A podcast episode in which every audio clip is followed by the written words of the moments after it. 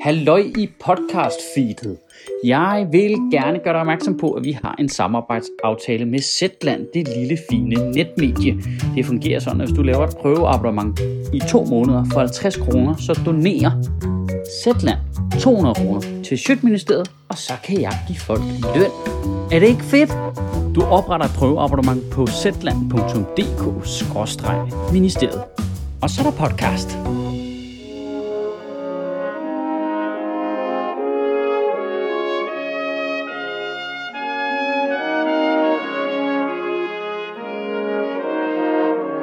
Goddag. Nogle gange så de her taler, ikke, så er de svære at finde på. Og nogle gange så synes jeg, de er svære at gøre relevante. Og andre gange så synes jeg helt ærligt, de er svære at gøre morsomme nok. Øh, men andre gange, så handler de om Nasser Carter, Markus Knudt og Martin Henriksen. En form for øh, komisk atomvåben. Det er, sådan, det er bare sådan instant morsomt. Det er sådan politikernes specialklasse.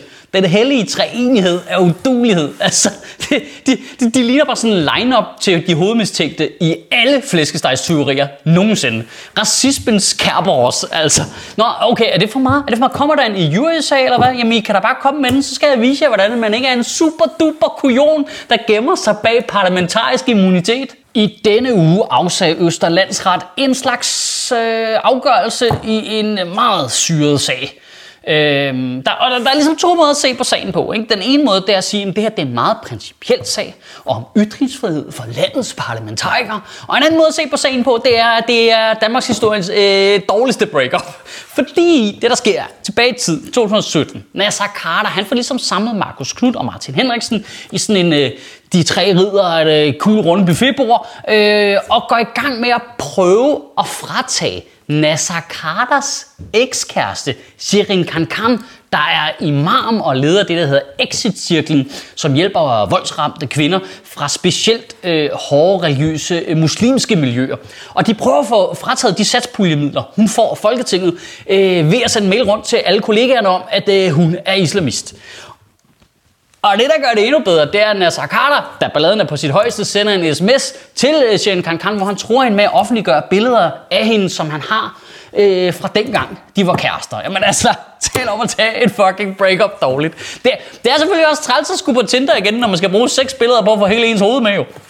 Det var en hans hoved og stor joke. En, en. Jeg prøver at trappe ned. Og grunden til, at jeg lige synes, vi er nødt til at snakke lidt om det, det var, at alle medier, altså politikken, Berlingske Tidene, Danmarks Radio, over hele linjen, øh, skrev, at de tre øh, skinkebaserede fugleskramsler, de var blevet frikendt. Og det er altså ikke rigtigt. De irriterede mig virkelig meget, det der, kunne jeg mærke. Øh, de, de er altså simpelthen ikke blevet frikendt. Og det kunne ikke være længere for sandheden. Østerlandsret har besluttet ikke at føre sagen videre, fordi de er beskyttet af parlamentarisk immunitet, som betyder, at et folketingsmedlem kan ikke blive fængslet eller tiltales uden Folketingets samtykke. Ja, det er en lidt sjov formulering. Folketingets samtykke, ikke? Jamen, så er samtykke meget vigtigt, når det handler om deres egen sikkerhed. Kvinders sikkerhed, ah, men lidt, vi skal, vi, skal lige, vi skal lige tænke over det. Vi skal lige tænke over det. Til gengæld, så blev altså Carter frikendt rigtig frikendt i en anden del af sagen, øh, som handlede om en jurier i et Facebook-opslag, hvor han havde skrevet, at Shirin Khan var islamist. Grunden til, at han bliver frikendt for det, er, at Chen Kan som offentlig debattør må forvente øh, diverse skøre angreb. Det er lidt ligesom, hvis folk kommer her under de her taler og skriver grimme ting om mig, så kan jeg jo heller ikke anklage dem for æreskrænkende adfærd. Altså, her høje dommer, høje dommer! Jeg forholder mig til, at jeg hverken har håndtag eller greb, og jeg har slet ikke bygget primært af næsesekret, så det er æreskrænkende og kald mig en snotskål. Så jeg kan jo bare lade være med at lave videoer, hvor jeg driller alle folk hele tiden jo. Men det der parlamentariske immunitet, det er sgu da noget gøjl. Er det ikke det? Altså, jeg forstår godt den historiske kontekst, at vi har jo lavet det for at beskytte folketingspolitikerne imod regeringen. Fordi historisk set, så var regeringen og ministerne jo meget tættere på kongemagten, og da vi fik demokratiet, der var man jo ikke sådan super vant til, at der var et folkeligt parlament, der ligesom kunne holde magten i ørerne. Altså, så man har jo gjort det, for at de ikke skulle være bange for, at kongemagten pludselig kom og smed folk i fængsel, hvis de gjorde livet surt for regeringen.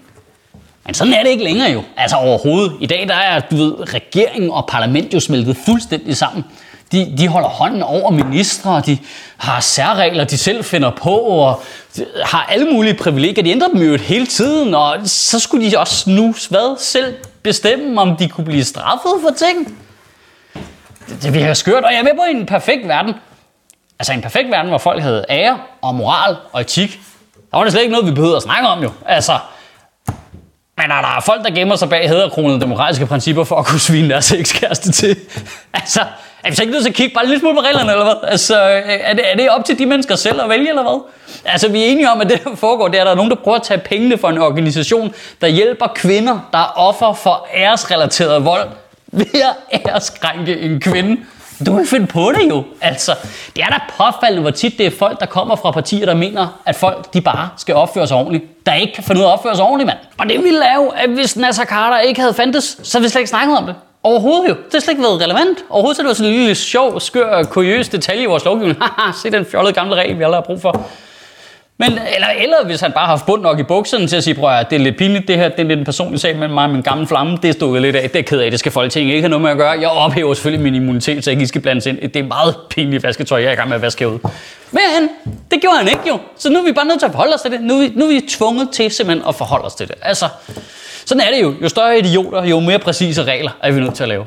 Altså nu er du nødt til at tage stilling til, synes du, at folketingspolitikere skal være immune? Altså skal de have lov til at skrive lige præcis, hvad de har lyst til til deres øh, lovgivende kollegaer inde i Folketinget, uden på nogen måde at kunne blive stillet til ansvar for det, ligesom os andre?